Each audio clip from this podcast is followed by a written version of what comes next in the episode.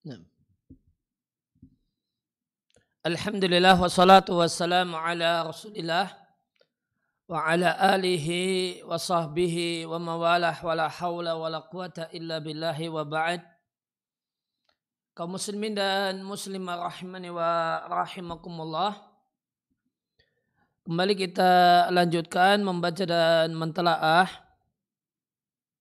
buku fikih ta'amul baina zawjaini karya Syekh Mustafa Ibn Al-Adawi hafizallahu taala wa wafaqahu. Kita masuk pada poin pembahasan tentang uh, meluruskan istri ketika istri bengkok. Wal akhdu ala yadaiha dan memegang tangannya dan mengendalikannya idza zalamat ketika berbuat zalim dengan ucapan ataupun dolim dengan perbuatan.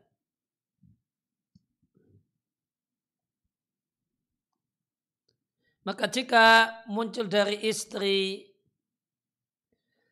uh, zallatun ketergelinciran, maka semestinya suami mengajarinya dan mendidiknya karena fungsi seorang suami adalah menjadi qayyim alaiha pemimpin dan pembimbingnya sebagaimana telah kami jelaskan. Contohnya dalam kehidupan Nabi adalah ya, wahahia dan berikut ini Ummul Mukminin Aisyah radhiallahu anha. Beliau mengatakan kepada Rasulullah sallallahu alaihi wasallam mengisyaratkan pendeknya ibunda Sofiyah binti Huyai radhiallahu anha. Dia, dia seorang wanita yang dalam pandangan ibunda Aisyah itu tinggi badannya pendek, tidak ideal. Aisyah, uh, ibunda Aisyah mengatakan hasbuka min Sofiyati hakada. Wahai Rasulullah cukup bagimu tentang kekurangan Sofia adalah demikian yang beliau maksudkan Sofia itu pendek.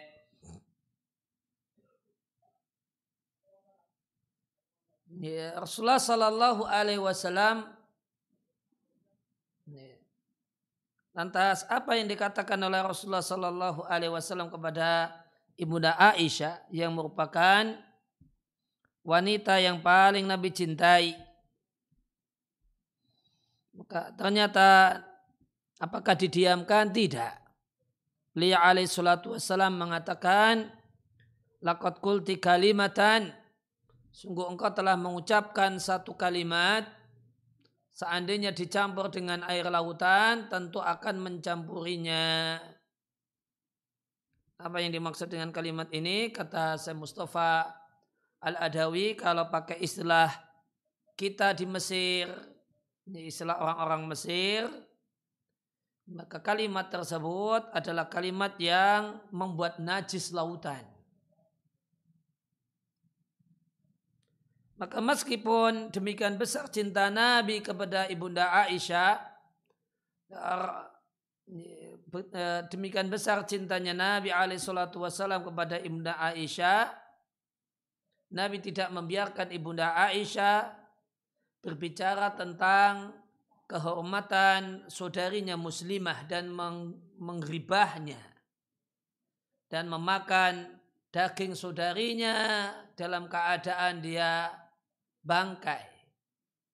Sehingga ribah yang dilakukan oleh Bunda Aisyah mendapatkan teguran dari Nabi Shallallahu Alaihi Wasallam. Meskipun ibunda Aisyah pada dasarnya adalah wanita yang paling Nabi cintai. Buktinya di catatan kaki halaman 69 Su'ilah Nabi sallallahu alaihi wasallam. Nabi mendapatkan pertanyaan Man ahabun nasi ilaik ya Rasulullah? Siapakah manusia yang paling kau cintai wahai Rasulullah? Ya Nabi mengatakan Aisyah Meskipun demikian ketika Aisyah salah melakukan riba, Nabi tidak mendiamkannya. Namun Nabi menegurnya. Bahkan teguran dengan kalimat yang cukup keras. Dengan Nabi katakan seandainya satu baris kalimat yang kau ucapkan itu dimasukkan ke lautan, maka air laut itu akan berubah rasa atau warna atau bahkan dan atau plus baunya dan atau baunya.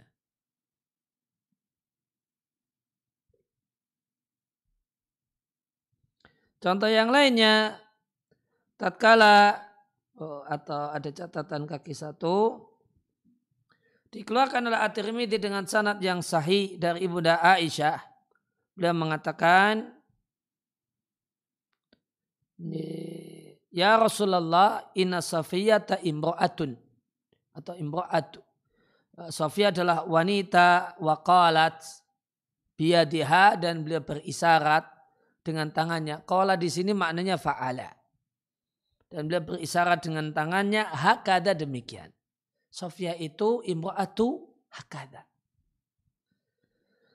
Uh, dan annaha ibunda Aisyah takni memaksudkannya adalah rotan pendek.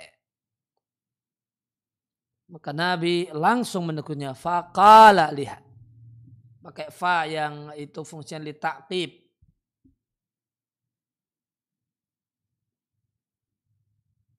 Faqala lantas langsung Nabi berkata, sungguh engkau telah mencampur dengan kata-kata tersebut seandainya engkau gunakan untuk mencampur air laut, niscaya air laut akan berubah.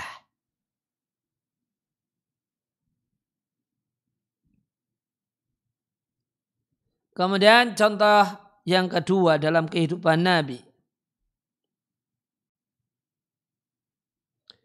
Tatkala Nabi Shallallahu Alaihi Wasallam melihat bantal di rumah ibunda Aisyah, dan Nabi melihat sejumlah gambar fiha di bantal itu. Istadda maka Nabi bersikap keras kepada Ummul Mukminin Aisyah radhiallahu anha. Buktinya beliau hanya berdiri di depan pintu dan tidak mau masuk sampai ya, sarung bantal tersebut dicopot oleh ibunda Aisyah. Maka rasa cinta Nabi alaihi salatu wassalam kepada ibunda Aisyah tidak menghalangi beliau untuk menjadi min ayakuna munsifan menjadi orang yang objektif bersama ibunda Aisyah bahkan beliau akan ya, mengkisos ibunda Aisyah untuk kepentingan istri yang lain jika perkaranya memang perlu kisos sebagaimana kisah yang ketiga. Ini kita berkenaan dengan kisah yang kedua kita baca terlebih dahulu catatan kaki dua. Dikeluarkan oleh Al-Bukhari dan Muslim dari Ummul Mukminin Aisyah radhiallahu anha Sebenarnya ibunda Aisyah membeli bantal. Fiha pada sarung bantalnya terdapat gambar-gambar. Tatkala Rasulullah Sallallahu Alaihi Wasallam melihat gambar-gambar tersebut, Nabi hanya berdiri di depan pintu dan tidak ya, dan tidak masuk. Fa'urifat wajih al-karohatu. Maka diketahuilah di wajah Nabi perasaan tidak suka dan benci. Ya, ini marahnya Nabi kalau untuk hal-hal yang tidak berkenaan dengan hak Allah Subhanahu wa taala. Inilah marahnya Nabi sallallahu alaihi wasallam ya, marahnya Nabi itu bisa dibaca dari raut mukanya. Ya, maka beliau tidak ya, tidak ekspresif dalam bentuk ya, ngomong ini ini ini dan itu. Ya, beliau lebih cenderung menampakkan marah, tidak suka dengan dengan raut muka, dengan mimik wajah. Lantas Ibunda Aisyah mengatakan dan ini contoh uh, akhlak mulia ya, dari seorang eh, sosok wanita salihah yang semestinya eh, ini menjadi panduan para istri dan para wanita-wanita salihah.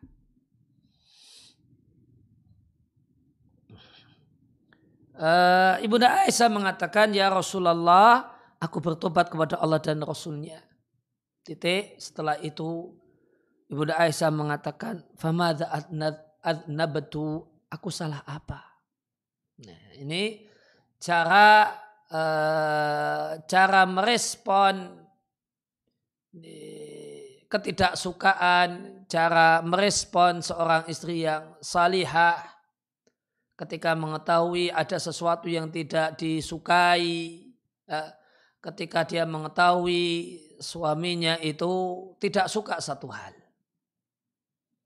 Maka yang dikedepankan adalah eh, mohon maaf terlebih dahulu, baru minta penjelasan salahnya apa.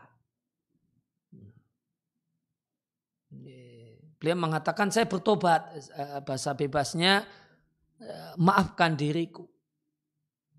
Tapi eh, sebenarnya apa apa sebenarnya apa kesalahan saya? Saya belum tahu. Gitu. Cara Ibunda Aisyah meminta maaf.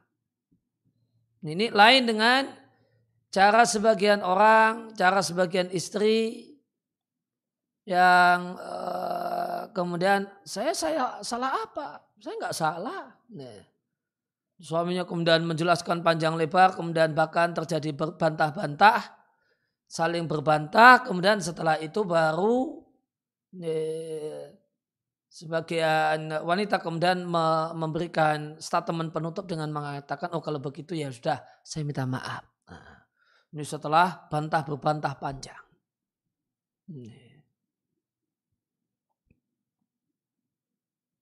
Ya tidak demikian. Ya, yang dicontohkan oleh Ibunda Aisyah radhiallahu taala anha. Ya, beliau kedepankan minta maaf dulu terus karena tidak tahu salah apa baru tanya sebenarnya saya salah apa akan saya perbaiki.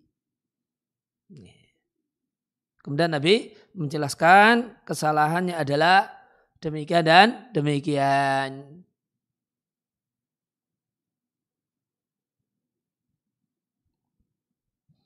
Maka Rasulullah Sallallahu Alaihi Wasallam atau bahkan kita jumpai sikap wanita, sikap istri yang tidak salihah. Ya, meskipun sudah dijelaskan panjang lebar oleh suaminya letak kesalahannya ya, yang itu menyebabkan suami tidak suka, tidak nyaman, tetap dia ngotot kalau tidak salah atau bahkan sebaliknya kemudian malah ngambek ngambek serius. Sehingga akhirnya e, sebagian suami dalam rangka menetralkan suasana kemudian memilih ya sudahlah. Akhirnya suaminya meminta maaf padahal e, kesalahan awal ada pada istri. Maka jawab Nabi ketika ditanya, saya salah apa? Mada adnabtu. Nabi mengatakan, ma balu. Ya. Apa bantal ini? Ini bantal apa? Ibunda Aisyah mengatakan, aku membeli bantal itu untukmu, wahai suamiku, supaya engkau bisa duduk di atasnya dan engkau bisa ini fungsi yang pertama diduduki, yang kemudian yang kedua engkau bisa menjadikannya sebagai bantal. Maka Rasulullah Shallallahu Alaihi Wasallam mengatakan sesungguhnya orang-orang yang membuat gambar-gambar ini pada hari kiamat akan diadab. Dikatakan kepada mereka hidupkan gambar yang kalian ciptakan. Ini untuk uh, untuk pembuatnya. Gimana kalau pembelinya? Ini dia bukan pembuat. Ini pembelinya, konsumennya. Kalau tadi kan produsen. Apakah sama uh, konsumen dengan produsen? Jawabannya tentu beda. Nah, sedangkan untuk konsumen Innal fihi suwaru la tadkhulhul malaikatu. Sesungguhnya rumah yang ada badannya gambar-gambar, itu gambar-gambar yang terlarang tidak akan dimasuki oleh malaikat. Yang dimaksud malaikat ini bukan malaikat pencabut nyawa atau malaikat pencatat amal atau uh, semua malaikat. Namun yang dimaksudkan adalah malaikat yang diberi tugas untuk ya, untuk menebarkan keberkahan dan menebarkan rahm, uh, kasih sayang Allah Subhanahu wa taala. Kembali ke ke atas jadi rasa cinta Nabi kepada Ibunda Aisyah itu tidak menyebabkan Nabi tidak bersikap objektif kepada Ibunda Aisyah. Ya, beliau tetap objektif. Ya, ini ya, tentu bisa kita katakan inilah cinta yang ideal. Sehingga Aisyah pun kata Nabi berat untuk dikisos jika memang perlu kisos. Dalilnya dikeluarkan oleh Al-Bukhari dari Anas radhiallahu anhu beliau mengatakan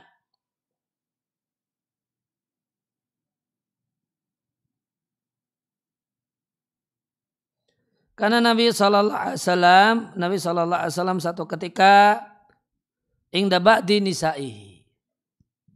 Ya, duduk dan berada di salah satu istrinya.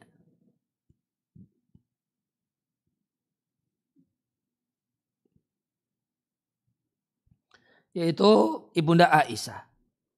Fa'ar salat ihda ummahatil mu'minin. Maka istri Nabi yang lainnya mengirimkan satu piring berisi makanan. Nah istri yang Nabi itu berada di rumahnya yaitu Ibunda Aisyah memukul tangan budak laki-laki yang ditugasi oleh istri Nabi pengirim hadiah. Dipukul tangannya. Akhirnya sakat itu sahfatu. mbak piringnya pecah eh, piringnya jatuh setelah jatuh fang falakot pecah apa ya eh, gimana idealnya sikap seorang suami ketika kondisi panas semacam ini kondisi cemburu semacam ini Nabi mengumpulkan pecahan-pecahan piring Kemudian Sumaja'ala mulailah Nabi mengumpulkan ya, makanan yang semula ada di piring itu. Masalah padahal di situ ada banyak sahabat. Nabi tidak nyuruh orang lain. Karena kasusnya kasus istrinya. Maka Nabi sendiri yang uh, melakukan hal yang dirasa perlu dilakukan. Namun Nabi meminta para sahabat untuk memaklumi kondisi semacam ini. Kenapa ini kok sampai ngerusak piring, kemudian otomatis makanannya tidak termanfaatkan karena makanannya juga jatuh. Dan lantai di masa silam adalah lantai tanah dan pasir. Maka ini bukankah ini buang-buang harta gitu lah analisis uh, analisis hukumnya. Namun kejadian ini perlu dianal, tidak dianalisis dengan hukum, namun dianalisis dengan perasaan. Dan sehingga Nabi mengatakan ghorot ummukum ibu kalian itu salah satu istri Nabi dalam hal ini Bunda Aisyah sedang cemburu, tolong dimaklumi. Sehingga ada kejadian semacam ini. Kemudian Nabi menahan sang pelayan atau si pelayan, si budak laki-laki itu ditahan, jangan langsung pulang. Kembali ke tempat tuannya, yaitu istri Nabi yang mengirim hadiah makanan. Sampai Nabi masuk ke dalam, hatta ata, lihat Nabi sendiri yang ini, luar biasa. Nabi yang mengumpulkan pecahan piring, Nabi mengumpulkan makanan-makanan yang berhampuran. Kemudian Nabi sendiri yang masuk ke dalam. Hatta ata sehingga Nabi datang. Yang datang siapa? Nabi. Failnya Nabi. Nabi datang dari dalam rumah dengan piring dari rumah alati huwa fi baitiha. Rumah istri yang Nabi sedang di situ. Akhirnya Nabi serahkan piring yang bagus, kepada istri yang kepada istri Nabi yang lain yang piringnya dipecahkan. Dan Nabi amsaka, Nabi tahan piring yang pecah di rumah istri yang piring itu pecah di rumah itu. Dan ini hadis ini jadi eh, kaidah penting tentang masalah kewajiban mengganti barang milik orang lain yang dirusak ke siapa yang merusak barang milik orang lain, ya semacam piring orang lain dirusak, maka wajib mengganti. Wajibnya bukan bayar pakai duit, namun diganti dengan barang yang semisal. Ketika masih ketika barang tersebut memiliki barang yang semisal.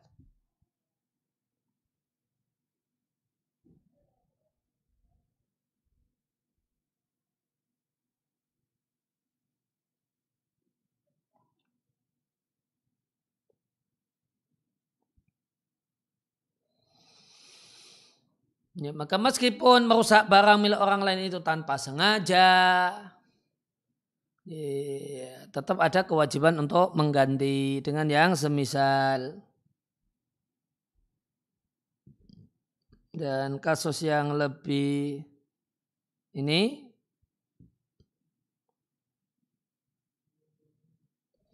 ya, yang lebih detail riwayat yang semisal diatkan oleh An-Nasai dengan sanad yang sahih dari hadis Ummu Salamah radhiallahu anha.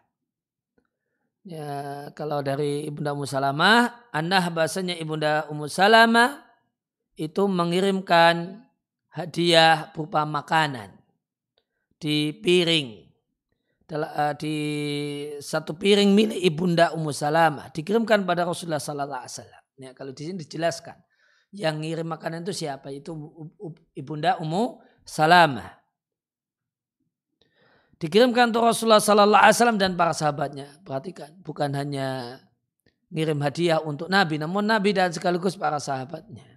Ini kan sebenarnya ya mungkin strategi supaya tidak terlalu cemburu ya. Karena hadiah untuk Nabi dan para sahabat yang bersama Nabi.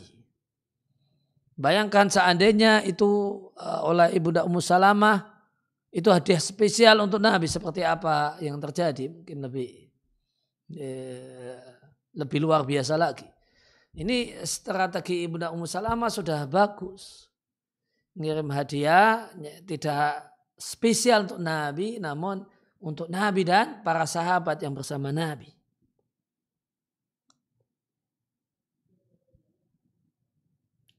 Dan Nabi ketika itu di rumah Ibunda Aisyah. Maka datanglah Aisyah bersarung dengan kisah satu kain segi empat panjang dan Aisyah sambil membawa batu. Maka dengan batu tersebut digunakan untuk memecah piring tadi. Bakunya dipukulkan di piringnya pecah. Piringnya terpecah terbelah jadi dua. Maka Nabi Shallallahu Alaihi Wasallam mengumpulkan dua belahan piring. Piring, piring terbelah jadi dua. Kemudian eh, makanan-makanan yang bisa diselamatkan, diselamatkan dan diamankan. Kemudian Nabi mengatakan kepada para sahabat karena ini ingat hadiah untuk Nabi dan para sahabat. Nabi mengatakan kulu silakan dinikmati. Ya, ini ada kejadian panas semacam ini jangan terlalu dianggap di hati ya. ya kalau kalau dianggap di hati tidak bisa makan nanti jadinya. Udah makan makan saja. Santai saja makan makan saja. Rorot umukum kalau ini kejadian barusan ya, itu dimaklumi saja. Tolong dimaklumi karena ibumu cemburu. Marotain Nabi sampaikan dua kali. Kemudian Rasulullah Sallallahu Alaihi Wasallam mengambil piringnya Aisyah, kemudian dikirimkan ke Ummu Salamah dan memberikan piringnya Ummu Salamah yang pecah kepada ibunda Aisyah.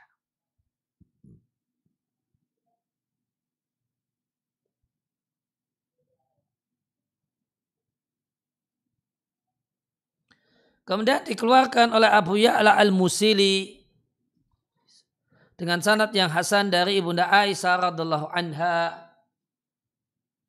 Beliau mengatakan, ini Aisyah, aku mendatangi Nabi sallallahu alaihi wasallam bi khaziratin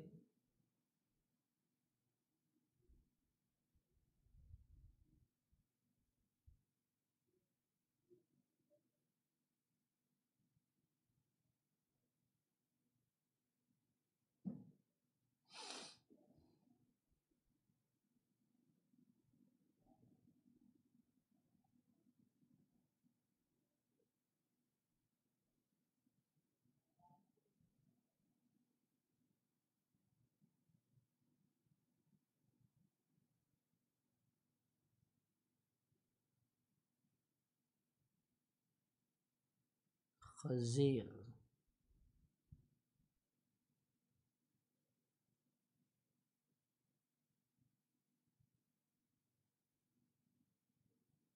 Ya, khazir jenis makanan daging dipotong-potong kecil-kecil dimasak pakai air dalam uh, jumlah uh, dengan air dalam kadar yang banyak dicampur dengan garam. Jika sudah sempurna matang kemudian ditaburi tepung.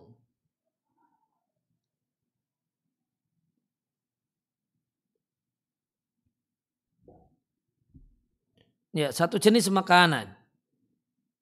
Daging potong daging berkuah. Mungkin ya. Kata Ibunda Aisyah yang makanan tersebut aku masak lahu untuk Nabi. Fakultu maka aku katakan pada saudah dan Nabi itu posisinya antara aku Aisyah dan Sauda. Katakan pada Sauda silakan makan fa'abat. Sauda nggak mau makan. Fakultu maka ibunda Aisyah maksa supaya Sauda mau makan. Padahal ya sebenarnya Sauda itu lebih senior, lebih tua daripada uh, daripada ibunda Aisyah. Ini kalau di cita rasa orang kita ini ya agak keterlaluan ya. Karena Sauda lebih berumur lagi. Eh, dan dinikahi oleh Nabi lebih dulu daripada Ibunda Aisyah. Makan, kata Ibunda Aisyah, kalau tidak kulumukan ini makanan ke wajahmu. Gitu. Fa'abat, Ibunda Saudah tetap nggak mau makan. Akhirnya kata Aisyah, aku letakkan tanganku di makanan tadi. Masukkan tangannya ke piring. Fatola itu wajahaha. Kemudian kulumukan uh, ke wajah sauda. merespon suasana demikian, Nabi respon santai. Fadhahikan Nabi SAW. Nabi cuma tersenyum saja.